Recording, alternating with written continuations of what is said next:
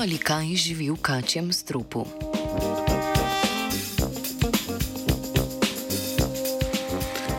Mednarodna raziskovalna skupina v znanstveni reviji Microbiology Spectrum razkriva, da so tudi v strupu kač in pajkov prisotne različne bakterije.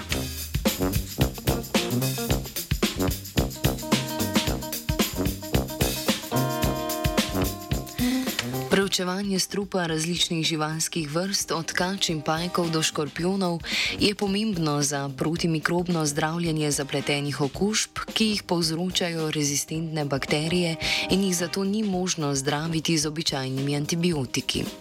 Strup vsebuje proteine oziroma peptide, ki delujejo protimikrobno, tako da tvorijo pore v bakterijski membrani.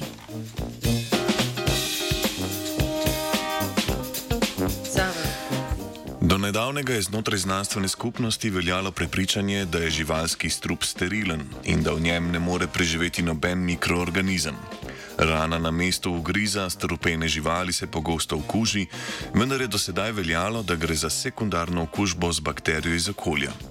Aktualna študija je to prepričanje ovrgla, saj so v strupenem koktejlu kač in pajkov našli bakterije, ki so sposobne preživeti v takšnem okolju in povzročiti okužbo na mestu ugriza. Bye.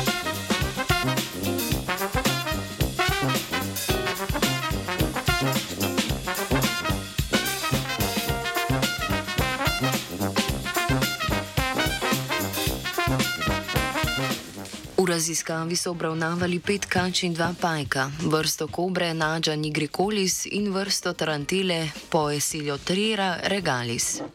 Odvzem vzorca kačjega strupa je potekal tako, da so ob ugrizu kače v sterilen vsebnik iztisnili strup iz strupnika. Pri uspavanih pajkih, ki so bili pod vplivom anestezije, so iztis strupa spodbudili z električno stimulacijo.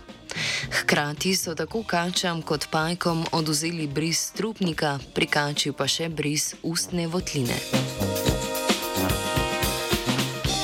Svekalis. V strupu obeh vrst živali so potrdili prisotnost bakterij.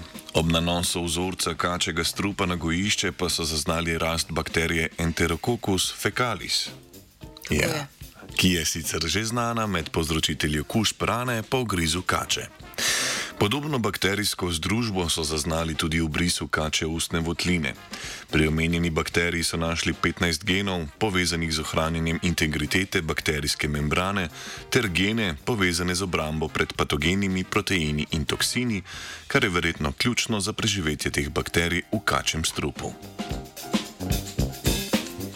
Strupeni koktejl je spila Andreja.